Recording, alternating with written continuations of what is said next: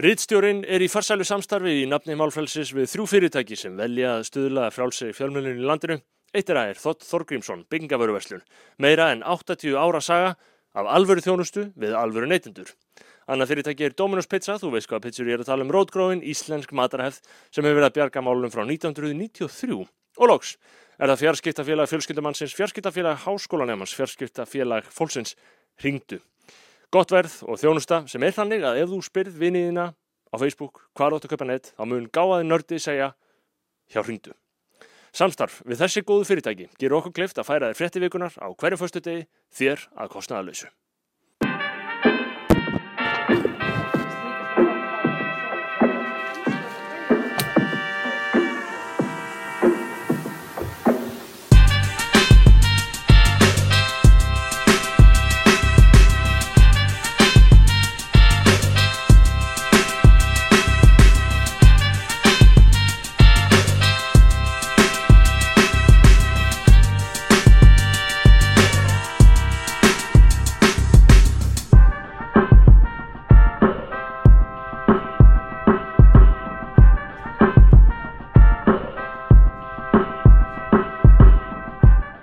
Komið sæl og verið hjartanlega velkomin í fréttivíkuna með Snorra Másinni Rítstjóra. Þetta er mikilvægastu vettvangurinn eins og þið vitið til að fá allar mikilvægastu fréttinar á einu bretti. Ánast að þú verður að liggja við miðlunum alla vikuna sem getur verið skadlegt í alfunum.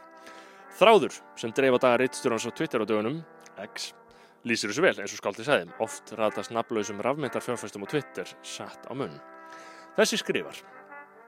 Ég held að hinn almenni mannshugur sé einfallega ekki gerður til að geta laga sig að því sem er í raun ótakmarkað magn, óstaðfestra upplýsinga sem gefast út fyrir að vera fréttir, alls ekki síst á tímum gerfegreindar framleiðslu frétta, sem byrtast stanslöst alla vikuna, allan sólaringin, alla dag ársins. Atbyrðu sem fjárfæstirinn tekur sem dæmi um svona skerta möguleika okkar til þess að draga vitrænar álítanir í upplýsingaflóðinu er sprenging á sjúkrahúsi á gasasvæðinu sem var á þriðdægin, þar sem fleiri hundruð manns letust. Það er að segja, fleiri hundruð manneskjur letu lífið vegna þess að sjúkrahús var sprengt í loft upp. Man getur ekki myndið sér hryllingin. Helbriðs yfirvöld á gasasvæðinu og Hamas samtökin, þau sögðu bæði strax að þar hefði Ísraels við herr verið að verki.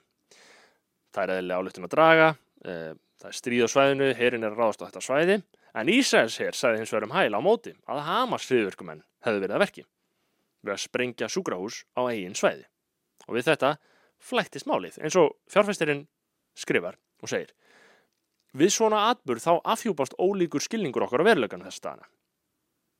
Í raun, segir hann, er þetta allt núna spurning um orð á móti orði. Líklega ákvaðum um 80% fólks strax eftir að hafa lesið fyrstu færsluna sem samræmdist þeirra fyrirfram skoðun á átökunum, á því hver væri vondur og góður í átökunum, þá ákváðu líklega 80% fólks strax eftir að hafa leysið fyrstu fæsluna sem bara staðfesti þeirra fyrirfram skoðun, hvað væri þeir rétta í málunum. Þar segja, þau ákváðu á grunni þeirra fæslu hver hefði sprengt sprengjuna. En hvað er satt og hvað er logið? Við vitum það ekki en þá, við getum ekki vita það. Við vitum það raunar svo lítið. Á þessari síðu manifold er bóðið og ég veit að það er gjörsamlega viðbjóðslegt Það er búið upp á veðmál um það hvort þetta hafi verið ísælski hérin eða ekki. Svo mikil er upplýsingóriðinu raun og veru.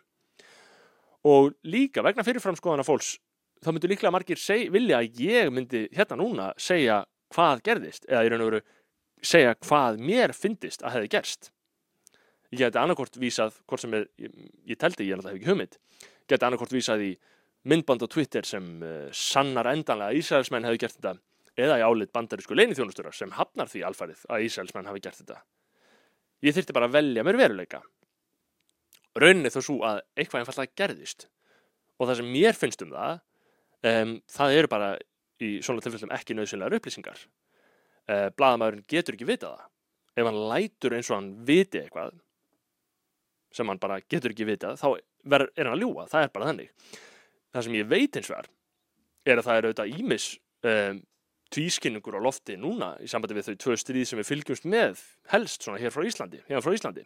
Þórdís Kolbrún Reykjörð Gilódóttir sem var auðvitaðrikiðsáþara þar allar mánudag hefur ítrekka til dæmis líst þeirri afstöðu íslenska stjórnvalda að hafna stríðsreiksti rúsa í Úkræni engum á forsendum þeirra hugsunar að það beri einfallega að fordæma tilraunir hernaðarleira ofurvelda til þess að vega í ósamræmi við alþjóðlög til þess að vega alvarlega að sjálfstæði annara þjóða, minni þjóða með strísreksti.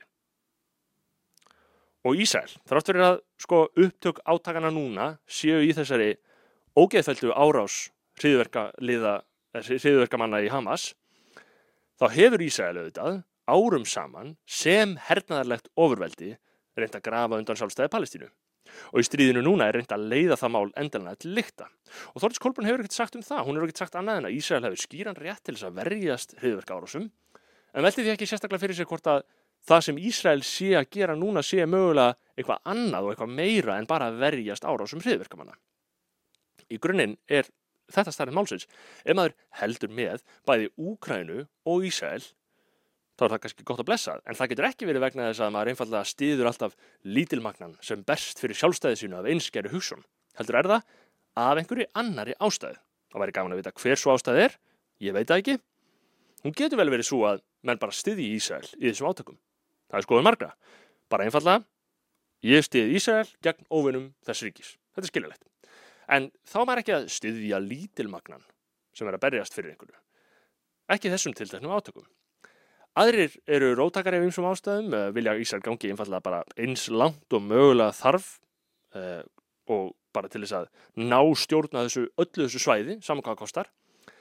Sumi bandaríski stjórnmálamenn er á þessar línu, þá er, mér finnst, þá meiri bragur að segja hlutina bara beint út, eins og þetta Lindsey Graham, öldungadeildar þingmaður republikana í Suður Kalvínu gerir. We're in a religious yeah. war here. I am with Israel. Do whatever the hell you have to do to defend yourself. Level the place. Já, þetta er einálgun hjá Lindsey Graham. Þetta er stríð á milli trúarbræða. Ég stend með Ísrael í þessu stríði á milli trúarbræða og gerið einfallega Ísraelsmenn hvað svo sem í ósköpunum þið þurfuð að gera til að vera ykkur. Jafnið þennan stað við jörðu, segir Lindsey Graham. Já, það er einálgun að hvetja til þess að staðurum verði jafnaður við jörðu. Önnun nálgun sem fyrir ekki mikið fyrir er að krefjast einfallega að vopnalegas strax og að alþjóða samfélagið síni aftur einhvern minnsta áhuga að finna lausn á deilum á þessu svæði en það munir þetta auðvitað alls ekki enda vel ef þetta heldur bara áfram svona. En það er bara hugmynd, þetta er bara einn af mörgum nálgunum. En nóðum það, við ætlum að byrja, við ætlum að byrja eins og mennilega, við gerum alltaf á um, já, því helsta sem gerðist í vikunni eins og við gerum alltaf hérna upp á við þáttar. Uh, ég vísaði hérna í ráðherraskipti. Þórtis Kolbrún ekki lengur utanriksráðherra. Sittjandi ríkistjórn kom fram á bladamannafundi síðustu helgi og gaf það hálfpartin upp að hún væri hægt við að slíta stjórninni af því að hún hefði svo mörg mikilvæg verkefni til þess að sinna. E, þrátt fyrir að það fæst ekki séð að e, ríkistjórnin sé færum að leysa neinn meiri hátta verkefni. Stumins að koma böndum á efnahagsmálinn og í raun og veru koma böndum á efnahags ástand sem hún ber sjálf ábyrð á hún ber í alveg ábyrðaði sko, linnilegs peningabrentun í faraldrinum til að halda allum góðum peningabrentunin og ríkisútgjöldun voru það mikil að varla eitt fyrirtæki fór á hausin í miðri efnagskrísu eða einhverju sem átt að vera efnagskrísa er það lett? Nei, en er hægt að kippa efnagskerfi svona úr sambandi með handabli og peningabrentun ánum að leiði til verðbólgu? Nei, það er heldur ekki hægt þannig að við skulum bara einfallega alltaf muna að ástæður þess að við erum nú að verða sífælt fátakari vegna verðbólgu og kaupmáttar rýrtunar eru aðgerðir og ákvarðanir ríkistjórnarinnar og síðan van geta þeirra til að takast á við vandamálinn sem ákvarðaninnar skapa. Skulum bara einfallega ekki gleyma því. En talað um faraldurinn. Yfir í aðra fett þá byrtist viðtal á rúfi vikunni við Davíð Otto Arnar, yfirleikni á hjartadild landsbíðalans, sem sagðist líklega myndu mæla gegn því í dag að ungir karlmenn færi í bólusvetningu við COVID-19. Þetta eru sannlega önnur fyrirmæli en stjórnvöld gáfa á sínum tíma, þegar menn á þessum aldrei voru kvatir til að fara ítrekkaði bólusetningu. Nú kom á daginn að það varð tölfræðilur toppur í tilvikum hjarta vöðva bólgu í kringum þriði bólusetningunum við COVID-19 og það er ástæð þess að þessi læknir segist nú myndu mæla gegn því ángikarlar fæðu sér bólusetningu. Þar með tala þessi læknir á Subum Nótum og Kári Stefansson, forstjóru íslenskar erðagreiningar, gerði í viðtali við miðurbróðum minn í skoðanabræðurum í sumar og það vakti mikla aðtikli en sem sagt, þetta er góð veika og kannski góðu tímar fyrir það sem eitt sinn voru kallaðir COVID-nöttarar sem vöruð á sínum tíma við áhrifum bóluefnara. Vel að merkja, við tölum stundum um sko upplýsinga óreiði hérna þessum þetta og mísnótkun þessu utdags. Var það ekki talin upplýsinga óreiða á sínum tíma að vara við áhrifum bóluefna á hjörtum fólks áður en starfsmenn ríkistofnana fóru að vara við þessum sömu áhrifum? skrítið hvernig upplýsingar hætta að vera upplýsingar óriða og verða bara upplýsingar þegar þið ofinbera fyrir að byrta þér. Upplýsingarna sjálfar breyttist ekkert, heldur bara hver er að byrta þér. Um hugsunarefni. Hildur Sverrisdóttir alþingismæður laði fram frumvarp á alþingi sem fól í sér þær breytingar að taka greiðslu stjórnvalda sem fara í að niðugreiða ófrjósemis aðgerir fyrir karla, herraklippingar og hefja í staðin að styðja við tækni frjóðgani fólks. Sérst glasafrjóðgun og annað slíkt. Sérst að hætta borga fyrir það að fólk hætta eignast börn og byrja að borga fyrir það að fólk eignast börn. Þetta hljómar skynsalega. Við ætlum að fæta aðeins meira um þetta mál hérna réttu aðstyr. En í mildinni yfir í annað aðeins þingmaður framsónaflokksins og formaður atvinnuvegar alþingis, andvinnuvegar nefndar alþingis, held í fram að fjölda gjaldþrótt blasi við í íslenskum landbúnaði vegna breyts efnaðsástands. Hann segir tollverndakerfið núna ekki uppfylla hlutar sitt og fullir í raunar að líf íslensks landbúnaðar hangi á bláþræði. Reitstjórnum þykir þetta alvarlegt. Hann segir, gerum eitthvað þessum málum, leitum nýra og frumleira lausna og gerum að áður en er orðið og seint. Við verðum að framlega eitthvað matina. Hagspá landsbankans fyrir næstu þrjú ár var byrt í vikunni þar sem okkur var sagt að verðbólgan muni hjaðina og vera að jafnaði 5,3% á næsta ári. 4,3% á árunni 2025. Við gætum glaðist yfir þessari spá, en við ættum líklega ekki að gera með við hvernig aðrar hagspár hafa ræst. Sama spá landsbankans í fyrra sagði að verðbólga myndi mælast að jafnaði 6,5% að þessu ári, 2023. Ekki aðeins hefur verðbólga á þessu ári aldrei mælst 6,5%. Ekki að jafna það neitt, hún hefur aldrei mælst 6,5%. Heldur er meðal verðbólgan, verðbólgan að jafna það á þessu ári hinga til, búin að vera herri en 9%. Hún átti að vera 6,5%, var meiri 9%. Þannig að það var hagspá landsbankans og þannig rættist hún síðast. Nú, hér á þessum vettvangi, fréttum við vikunars og í öðrum greinum Ritstjórnars, er oft fjallað um stöðu tungumálsins. Ritstjórn fagnar þessa vikuna liðsauka í yfirvegaða, rólega, mögulega vonlausa baráttu hans gegn handstýrðum, tilgangslösum, hugmyndafræðilegum breytingum á tungumálunum. tungumálunum. Hér er Þórarinn Eldjátt í killjunni. Og það er náttúrulega alls konar hlutir eins og kynhlutlöst mál og, og, og svo kannski það, hvað, hvað með kallaða reyðaregs, svona reyðaregs áttur. Já, þetta kynhlutlösa mál, ég bara vil helst ekki minnast á, á þá vittleysu sem þar veður uppi En ég er bara eins og margir fleiri, ég er bara að býða eftir þetta gangi yfir. Já. Já, Þóran, ég er hættur um að við munum þurfa að býða hansi lengi eftir þetta gangi yfir en hvað er það? E, yfir í næsta mál, orgu veitan helt orgu og vísindadaginn hátilegan í elliðárdalunum á dögunum sem væri alls ekki frásögufærandi nema fyrir þær sakir að í Facebook-færslum viðbröðin var byrt mynd af þessum flöskum.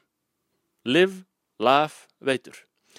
Það er sérst öll fréttin þessu máli. Þessar flöskur eru til og það þýðir að einhver hafi tekið ákvörðun um að búa þið til live, laugh, veitur. Og næsta mál, Larry Fink, forstjóri BlackRock, eins stærsta fjárfestingafélag heims, sagði vikunni að hann merti nú ákveðin flóta á meðal fjárfesta úr hefðbundum fjárfestingum og yfir í rafmyndafjárfestingar. Þetta verð vegna óvissu á veraldarsviðinu, styrjaldar átaka efnaðarstekinga víða og þetta eru góða frétti fyrir rafmyndamenn, menn, Fink sem svo, þeir hafa lengi getur sagt, bundi mikla vonir við að, að verði ödull stuðningsmæður þeirra málstæðar, hann gerist sífell gjöfulli í þeirra garð með lofsamlegum umælum sínum um rafmyndir, umrætum flókta yfir í rafmyndir, lísta hann einmitt sem flókta yfir í gæði. Að segja að rafmyndir séu þá meiri gæða fjárfestinga en eitthvað annað, það er auðvitað mikil gæða stimpill fyrir þessa tækni, hvernig svo sem fer síðan meir. En talandum um rafmyndir, þá uh, hefur Ritstjórun áður ótað að lesendur sínum með pælingum hins umsvöfa mikla bandariska, alliða tæknibróður og meðal annars rafmynda fjárfæstis Mark Andreessen sem hefur meira þess að fjárfæst í verkefnum á Íslandi. En að mínum að þetta sætir það alltaf ákveðnum tíðundum þegar hann uppfærir fylgjendur sína um svona, já, það nýjasta í hans heimsmynd, hans framsýnu heimsmynd. Hann, hann, hann hefur nú gefið út það sem hann kallar stefnu yfirlýsingu bjartsýnismanns gagvar tækni, það er að segja Techno Optimist Manifesto. Og lesningin er mikilvæg ámenning hún er mikilvæg ámenning á tímum þar sem okkur er eh, sífælt sagt að tæknin muni taka á okkur störfin. Hún muni lækka launin okkar, hún muni auka ójöfnuð, hún muni ógna hils okkar. Þá er þessi stefnu yfirlýsing mikilvæg ámenning um að tæknin er alveg eins líklegt til að gera hið þau eru öfuga, þar að segja, hún er alveg slíklegt að frels okkur. Hún er mögulega það eina sem mun frels okkur. Hún er, mögulega, hún, hún er það eina sem ger okkur kleift að gera minna, að gera meira með minna, að leysa vandamál. Það er í grunninn megin hlutverð tækninar. Andrísen segir, myrkur var vandamál, þannig að við fundum upp rámaslýsingu. Hiti var vandamál, þannig að við fundum upp loftkælingu. Og nú er fátætt vandamál, þannig að við þurfum að finna tækni sem býr til nóg fyrir alla. Það er mögulega eina leiðin út úr þessu. Þannig að þeir áhörundur sem eru uglasumir, sem eru uggandi yfir, yfirtöku gerðvíkarindarinnar, ykkur er bent á þessa stefnu yfirlýsingu, manns sem sannlega, sannlega, sannlega þekkir til mála, að því að þessi stefnu yfirlýsing, hún gætir hrestingu við og hver þarf ekki á hressingu að halda þessa dana. Talat um gerðvíkarind, eh, Hörður Ágússon, Makland, eigandi fyrirhandi, týsti í vikuna einni nýjustu afur gerðvíkarindarinnar, hann setur, fram, setur fram tvo púnta, gerðvíkarind mun bjarga okkur eða eða okkur, rittstjórun segir bjarga, samanberð það sem ég var að segja, og nummið tvö, eh, skrifur hörður, þíska er betra tungumál en enska og sænska og danska, þau með að skamma sín. Og Richard er samála því, þíska ber sannlega höfuð og herðar yfir önnu tungumálu þurfum að kenna hana meira á mentaskólastíði og hérna er sérst, það sem hörður var týsta gerðugreindar þýðing á lægi Notorious B.I.G. á fjórum tungumálum was the worst days. Now we sip champagne when we thirsty. Uh. Fødselsdag var de værste dage Nu nipper vi champagne, når vi er tørstige Uh, janmadin sabse kharab din the. Ab ham pyaase hone par champagne pite hain. Geburtstage waren die schlimmsten Tage. Jetzt trinken wir Champagner, wenn wir durstig sind. Uh, födelsedagar var de värsta dagarna Nu sippar vi champagne när vi er törstiga Uh Já, þetta var Biggie en nú er komið nóg komið af gaman málum Við ætlum að fara hérna aðeins út í alveg mikilvæg mál uh, og nú tala um Hildi Sverristóttur upplýsingar rittstjórnars innan úr þinginu eru það eitt núna að í þinginum og á alþingi sé bara verið að fjalla um þingmanna frumvörp þessar dagana sem allir vita samt að vera ekki að veruleika af því að þingmenn, þeir hafa engin stjórnarfrumvörp að fjallum frumvörp sem er miklu líklega að verða veruleika þannig að þeir eru bara að fjalla um þingmannafrumvörp. Og, og mér er sagt að, að stjórnarfrumvörp, alveg frumvörp séu ekki að rata inn í þingi vegna þess að stjórnin er ekki samálum neitt þetta er líklega, hreitn og klár stjórnarandstu áraður en samt Eitt af þessum þingmannafrumvörpum, frumvörpum sem koma frá óbreyttum þingmannum en ekki ráðhverjum í ríkistjórn, það eru stjórnarfrumvörp. Eitt af þessum þingmannafrumvörpum er mál Hildar Sverristóttur, þingmann sjálfstæðsflóksins. Og það frumvarp er reyndar kannski líklara enn önnur þingmannafrumvörp til þess að komast í gegn, en það eru margi þingmenn sem eru eh, meðflutningsmenn, það er svolítið meðbyr með þessu frumvarpi, að það er áhugavert. Það snýstum að niðurgreiða frjósemisaðgerðir, tæknifrjókunir, í stað ófrjósemisaðgerða, herrakleppinga. Og þessi hugmynd sætir nokkrum tíðundum vegna þess að Við getum sett í samhengi við það sem örmiðlinn hluthafinn benti á í grein og ég vísa til hér áður um að hinn, hinn sífælt versnandi frjósemisvandi á Íslandi, hann er ekki mjög mikið rættur hérna. Hlutafinn bendir á að þráttur umfang þessa vanda þá hafi enn sem komið er engin stjórnmáluflokkur íslenskur sett málið svona virkilega á oddin. Þó flokkar mæli fyrir aðgerðum sem gætu sko spórna við þróuninni og blæða þetta eins þá er aukin frjósemi aldrei svona yfirlýst markmið aðgerðana og Hildur, ég tók viðtalið hana hún segir sérst í samtali við fréttastofur Ríðstjónas að, að frumvarpi sé ekki það er ekki til höfuðs sagt, ófrjóðsömis aðgerðum, það er ekki til höfuðs herraklippingum í sjálfu sér sem eru bara sjálfsæður réttur fólks, heldur sé þetta bara einfallega spurning um forgangsröðun ofinbærs fjárs. Frjóðsömis aðgerðir sem eru bráð nöðsynlegar fyrir marga sífilt fleiði líka þær eru bara einfallega meira aðkallandi en ófrjóðsömis aðgerðir, valkvæðar ófrjóðsömis aðgerðir sem fólk bara ákveður að fara í. Þannig að eins og hlutafinn bendir á sérst, það er yfirlt rauninu og það er þannig núna að, að sérst, þetta er ekki yfirlist markmið þessara, þessara aðgerða, hún er ekki aukinn fróðsumendla, en Hildur segi samt að svo hlýðar afleðing sé auðvitað að finna góða. Og hún er sammálað reytstjórnum um að það þurfi raunverulega, það þurfi raunverulega meira til. Mitt frumarp eru þetta, ég er algjörlega um ofin kakvart ég auðvitað hjálpar þetta bara í þessu svona heildar samhengi þó að ég sé kannski fyrst og fremst að horfa og þetta sem er gafvært í fólki sem þurfu þessi aðstótt en sko ég bara tek undir þetta og, og við, hérna, við, ég sem stjórnmálumar tek þetta bara til mín og við á vettvangi sjálfstæðsflokksins höfum faktist rætt þetta. En það megi svona setja svona meira mengi í kringum bara fjölskyldur og hvað þurfa þeir og hvernig þurfum við að hjálpa þeim. Og þá má nefna fæðingrólóið, ég menna það er ótrúlegt ástand hérna hjá mörgum fjölskyldum sem er bæði, þetta er jafnbreytismál, ég menna þetta bara setur ungar fjölskyldur sem oftur er tekilæri bara í mikinn vanda og við sem velferðarsamfélag og, og svona progressiv samfélag sem ég man ekki hvað það er á, á íslensku uh, verður, verður bara að gera eitthvað í þessu. Það bara segir sér sjálft og við erum í samkefni við um fólkið okkar, við heiminn og þannig erum við bara ekki standa okkur, við getum gert allavega miklu betur. Já, þannig var þingflokks formaður sjálfstæðisflokksins sem vil gera meira fyrir barnafjölskyldur, þó það nú væri. Það er auðvitað markvert. Það er markvert að þessi ágæti sjálfstæðiskona gangist við ömurlegum veruleika margra sem hætta núna að geta staðið ströym á útgjöldum sínum vegna þess að tekjur þeirra breytast í orlofsgreðslu tekjur. Raunverulega fólk er að fara úr því að eiga peninga eða ekki neitt pening. Orlofsgreðslur nema að hámarki 600.000 króna á mánuði og oft er fólk minna. Um, og í okkar vakstaðumhverju og okkar leigumarkaði þá bara í mörgum tilfellum að fara í slika tekjur úr því sem maður var með þá bara gengur það með ekki upp. Þetta er meira þess að þannig, uh, það sjúklegt ástand að formaður sjálfstæðisflokksins, hann kynnti það nýlega sem sérstaka verðbólku aðgerð að hækka þessar hámarskreðslur ekki í samræmi við verðlag en svo hefur trassað að gera í fjögur ár. Neip, fáðu ekki meira 600 skall. Greiðslutnar ættu að ná upp í 775.000 krónur samkvæmt útreikningum og líklega meira. En neip, við ætlum ekki að hækka þér. Samfélkingin hefur lagt til að upphæðin sé endur skoða á hverju ári við fjárlagerð og rýtstjórun, ég, rýtstjórun stiður þá tillögu heilsugar. Það verða eina sangjarna í stöðinni.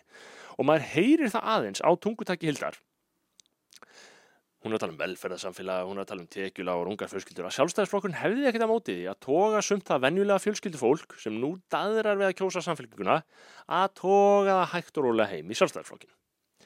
Um, það er samt alveg óljóst hvort að það sé eitthvað hægt að treysta á sjálfstæðisflokkin til þess að gefa sig af einhverju alvöru að þessu þjóðþrjámáli, að þessu líkil atriði fyrir Íslands samfélagi.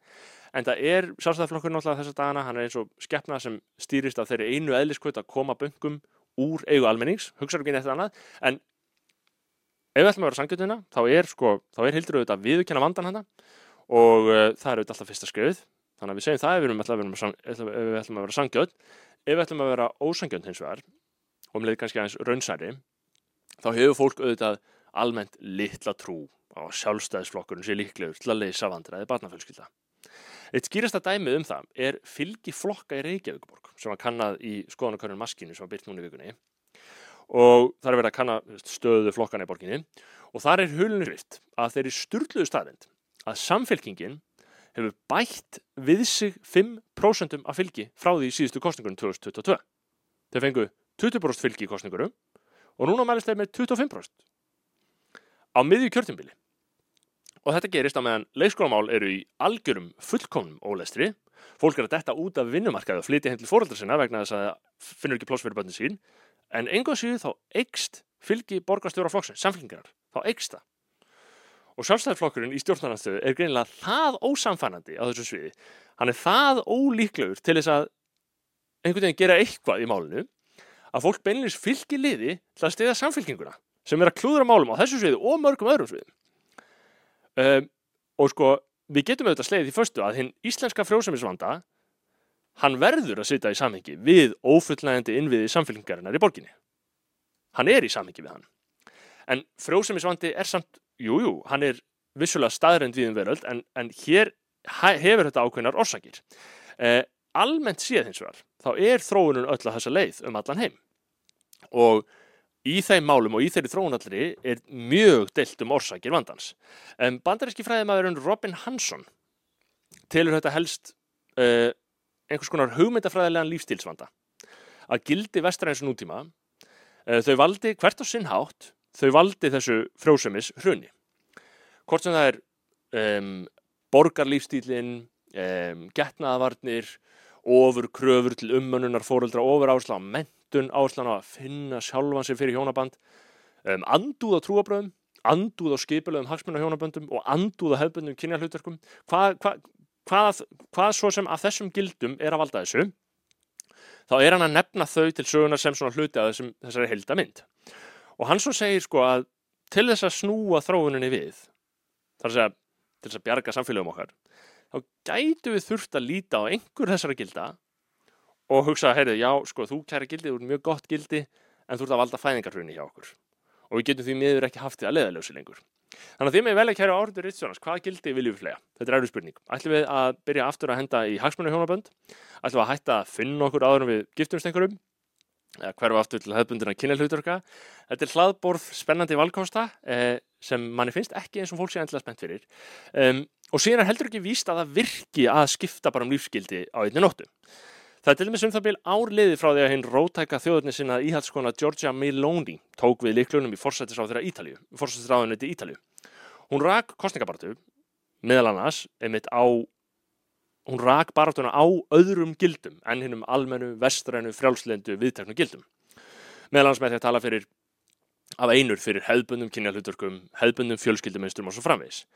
Og Meloni bar þá vonuð þetta í brjósti að snúa fæðingatíðinni Ítala aftur á rétta braut. Hún hefur lengi verið svo læsta í Európu, dala sífælt frá 1994 og nú er árliðið og í grein sem bladamærun Thomas Fassi skrifar í breska tímaritið Unheard er farið yfir þetta fyrsta embætsár Meloni og það er spurt eru önnur og íhaldsamari lífskildi á Ítalíu nóg til þess að snúa fæðingatinni við?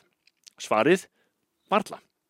Fassi segir að það sé fyrsta verk fórstráðarans eh, á sín tíma að svifta fátætt fólk eins og um ofnbjörnum stuðningi sem hafa verið að eina sem held stórum, stórum hópi fólks utan fátættamarka. Síðan hafi verið farið, jú, vissulega í einhvern svona væg smáadriði í fjárlögum sem átti að vera tákarætt stuðningur við fjölskyttu fólk en það rökk skamt og að annað hafi á vegum stjórnarinnar í raun og veru ekki komið til. Hinn raunverulega staða sé á meðan svo að á Ítalíu er 20% atvinnuleysi á meðalungsfólks. Laun eru einn þau lægstu í Evrópu og 10% íbúa búa í sárri fátætt. Þannig að Fassi skrifar. Ítalir þurfa enga áminningu um að börn séu afurð samband sem hefði karlmanns og konu. Þeir þurfa stöðuri og betur launar vinnur. Þeir þurfa alvöru innviði fyrir fjölskyldur og eftir aðtökum fjárstöðning frá hennu ofnbæra. Og hann heldur áfram. Þegar allt kemur til alls er, alvöru, er eina alvöru fjölskyldu væna stefnubreitingin sem getur snúið þróunum við þá er eina breytingin sem er þannig í raun og veru svo að snúa gjörsanlega af braut nýfrjálsíkjunar sem hefur einkjent ítalsk stjórnmál síðustu 20 ár og aftur í einhvers svona raunverulega lausnir. Og já, þetta er svona, þetta er svolítið leðilegt sko, þegar mennur orðinir peppaðir fyrir, fyrir populisma og peppaðir fyrir svona einhvern rótækum breytingum og rótækum breytingum á lífsgildum, þá, svona, þá er svolítið niðurdreymbært að segja við þá, nei, leiðina markmiðið þínum er ekki endilega að breyta bara um áferð og lífsgildi, heldur bara að stöðlað auknum jöfnuði og ríkis aðgerum í efnarsmálum að þetta er óspennandi og andluðsra vistimanna. En sakka þessu virðist það bara einfallega að vera staðan á Ítalíu. Árangurinn bara er ekki meiri hjá Meloni. Og í sum tilvíkum má segja það um svona nýja rótæka flokka á stjórnmálasviðinu að kjósendur þessara flokka lendir stundum í því sem eh, svona, sagt, lífsglaður hundur lendir í sem hendir sér á stað á eftir ruslabíl sem keirir fram hjá. Hann eldir ruslabílinn af ákafa uh, en samt vill hundurinn ekki ná ruslabílum af því að þegar hann er komin upp í ruslabílinn sem hann er elda mjög spendur þá er ekkert annað en bara rusl og vondlikt, það er allt ömulegt þannig að við erum áhugaði að vera í ruslabílum en eldingaleikurinn er skemmtlur og hann er spennandi. Og að kjósendur ákveða að fylgja svona glænýjum flokkum á markaðinu, þá getur þetta oft verið svipur aðbúrðast, maður er svona, það er gaman á meðan alltaf að gerast, kostningabaráta, maður er að kjósa eitthvað nýtt um, og með, maður er að elda bílinn eins og hundur, en síðan einhvern veginn vill maður ekkert endla ná hann, maður vill ekki sjá hvað gerist þegar þessi flokkar komast til valda af því það er oft bara algjör vonbrið þannig að það er pæling. Um, áður við hættunættar í leikskóla og frjóðsumismálum þá glemdi ég alveg ótengt um, hundum og kjósendum sem vil ekki ná ruslabílum í raun og veru, þá glemdi ég að fara yfir stöðu framsvonarflokksins í borgamálum hérna áðan. Uh, þar virðast kjósendur hafa orðið fyrir verulegum verulegum vonbriðum með flokkin eftir kostningar þeir náðu 18,7% um atkvæði í kostningurum 18,7, algjör kostningasegur og mælast nú með 6% af fylgi. Úr 18,7% í 6% það er ekkit annað en bara algjört fylgis hrun en eins og segja, ég átti bara eftir að nefna þetta með framsókn. Ég er ekki að setja það í neitt samhengi við, við kjósendur eða hunda elda ruslabíla ég er heldur ekki að setja neitt bara einhverleiti ennsýður í samhengi við þess að viðbröð kjósundar nýra flokka eftir kostninga sem fattar að, fattar að fólk lofar breytingu sem það getur ekki staðið. Um, þetta er alveg ótengt, ég átti bara eftir að nefna þetta með framsvon. Ef hins vegar er einhver er með lausnina við leikskólamálum í borginni, þá er það vinstri grænir sem segja núna, gefumst upp á þessu alls saman, saminumst við Mósulsbæ og Seldarnes eh, og Líf Magnaudóttir segir þetta og hún er ekki eins og í borgastöld lengur og það veit ekki einhvern veginn akkur þetta kemur eða hvað þetta á því það er eins og bara fólk sé að segja eitthvað öðru leiti riðstjórun mælir gegn þessari sammenningu en það væri þetta mjög pyrrandi fyrir reykvíkinga sem hafa það eina úrræði þessa dagana í mörgum tilvíkum að skrá lögheimili sitt hjá ættingum í þessum sveitafélögum fyrir leikskólapláss. Þar með væri búið að svifta reykvíkinga einu lausninu, einu lausninu þá getur við sagt við á hvað hlutur að leikskólar á Suðurlandi fyrir ykkur farið hangað, fyrir ekki dolluldan eitthvað eða hættið að eignast allir sér börn. Jæja, það eru, e, það eru mjög svona svartar horfur á lofti í þessum málum og við verðum að leysa þau. En hvað er það? Já, það er, um, við erum að tala hérna um uh, stöðu íslensku þjóðarinnar uh, og það er auðvitað breið mynd sem við þurfum að reyna að tekna upp á því. Um, ég og bróðum minn erum með hlaðarpitt skoðanabræður, þar sem við reynum að gera okkur grein fyrir mikilvægstu málum líðandi stundar. Og uh, þar voru að ræða það hvort að hefði sanna siðferði þjóðarinnar uh, byrtist okkur ekki í poptónlist. Og við erum með nýjan mann á sviðinu í þeim efnum, Pretty Boy Choco sem uh, fólk hataði fyrstu en er ánætt með núna. Uh, við skulum kíkja eins á umföllun okkar bræðra um Pretty Boy Choco Uh, og þá getur maður eins og við talum í sístætti þá horfur við á svona raunverulegt siðferðið fólksins, raunverulegan vilja þess Já. í poptónlistinni Já. uh, og maður horfur á íslenska poptónlist skilur, þá er svona eina sem að er verðt að er eitthvað nýtt, er eitthvað svona það er uh, Pretty Boy Choco Já. skilur, og það er bara er hann höfðingi í eðli sínu já, hann er, hann, ég, aðna, uh, ég, ég fíla ekki í músíkin hans fyrir utan gugguvottina, mér finnst gugguvottin alveg stórfenglegt, Já. epíst, meistaraverk Já. sko. mér finnst gugguvottin er bara, ég er bara lag ársins sko. Ég elska þetta lag, sko. en hitt er ekki fyrir mig uh, en hann sem fígúra er fyrir mig sko. af því að hann er tanaður, hann er massaður Hann- hann, hann- hann, er höfðingi. hann er ekki beðist afsökunar sjálfur Hann biðst ekki afsökunar hann er ekki að segja sorry að ég sé þetta, sorry að ég sé að taka plás hann er bara Hann mætir, hann, skilur. fullir í Já, sjálf sig. Hann er, er einn stór fullir og svo er hann líka talsmaður einhverjar ákveðina fagafræði skil- skilur, það er að segja að hann hefur sterkar skoðunar á því hvernig, í hvaða búningi, hvaða höfðingja búningi hann mitt og þarna og ef þú hugsaður um það hvernig menn voru að, að höndla í Íslandingasögunum, þú þú fóst bara til Arnbetta konus og fegst Já. silki skikju og hann var alltaf að gefa vinni Já. sín fött hann að gera það? hann var bara alltaf að kaupa fokkin dýr fött af vinni sín já, við erum bara að sína það á Instagram. Nei og bara, ég er bara heilt þetta Já. Já. Það er bara gjafur á milli höfðingja. Já. Það er bara að gefa þeim sverð og það er, algjör snild og- fara til í bísa og kaupa eitthvað prataból fyrir Já, Og- Og, og, hann er líka örugglega bara mega money á músíkinni sko. Já, það Núna. og þú veist, en ég held samt að það sé klingt með við, sko, ég held að Helgi Gói sé að hagnast, þú veist, hagnast á einstaka árum Já. um 400 miljónir, þú veist, þetta er Já, svona- það- þetta er svona mikið peningar. samt bara já. veitingabransa peningar shit maður Já, þetta er bara skipulega veitingabransi, Já. þetta er þú veist, það Það er sjálfsafgriðsla aðstæður á KFC núna.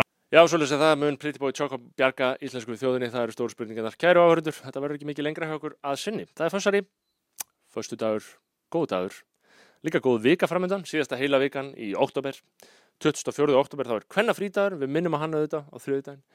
Það sem konur eru hvað til að setja allt svoleiðis í uppnám með allsæra verkvalli og kannski gera þér það, ég segi síni okkur hvað þið getið við kallandi rettum okkur án ykkar. Við gerum það, ég til dæmis sem betur fyrir ekki en þá komum með blaða konu hérna á reitstjórnar eins gott, það er eins gott kæru vinir. Óvættu punktur í þessu reyndar um, er að sérst, einhver nefndi það að ef konur á leikskólum leggja neðu störf og börnin þurfa þá að vera heima hver er þá, hver er þá líklega að vera heima með börnin? Konurnar. Og ég etur byltingin börnin sín eh, eins og við höfum alltaf varið við, varað við eins og við vondur hærumenn segjum alltaf vegurinn til heljar er varðaður góðum ásetningi. Og þetta segjum við að því að við höfum góðan ásetning. Já, kæru vinir, varist góða ásetningin. Ég minni hér í lókin á samstæðsæðila mína Þótt Þorgrimsson, Dominos og Ringdu Við sjáumst hér að vikuliðinni. Að sjálfsögðu alltaf á rítstjóru.is og öllum samfélagsmiðlum. Munið æfinlega kjöror þessa frétta þáttar ást á ættjörðum, ást á sannleika og þangar til næst. Guð bless ykkur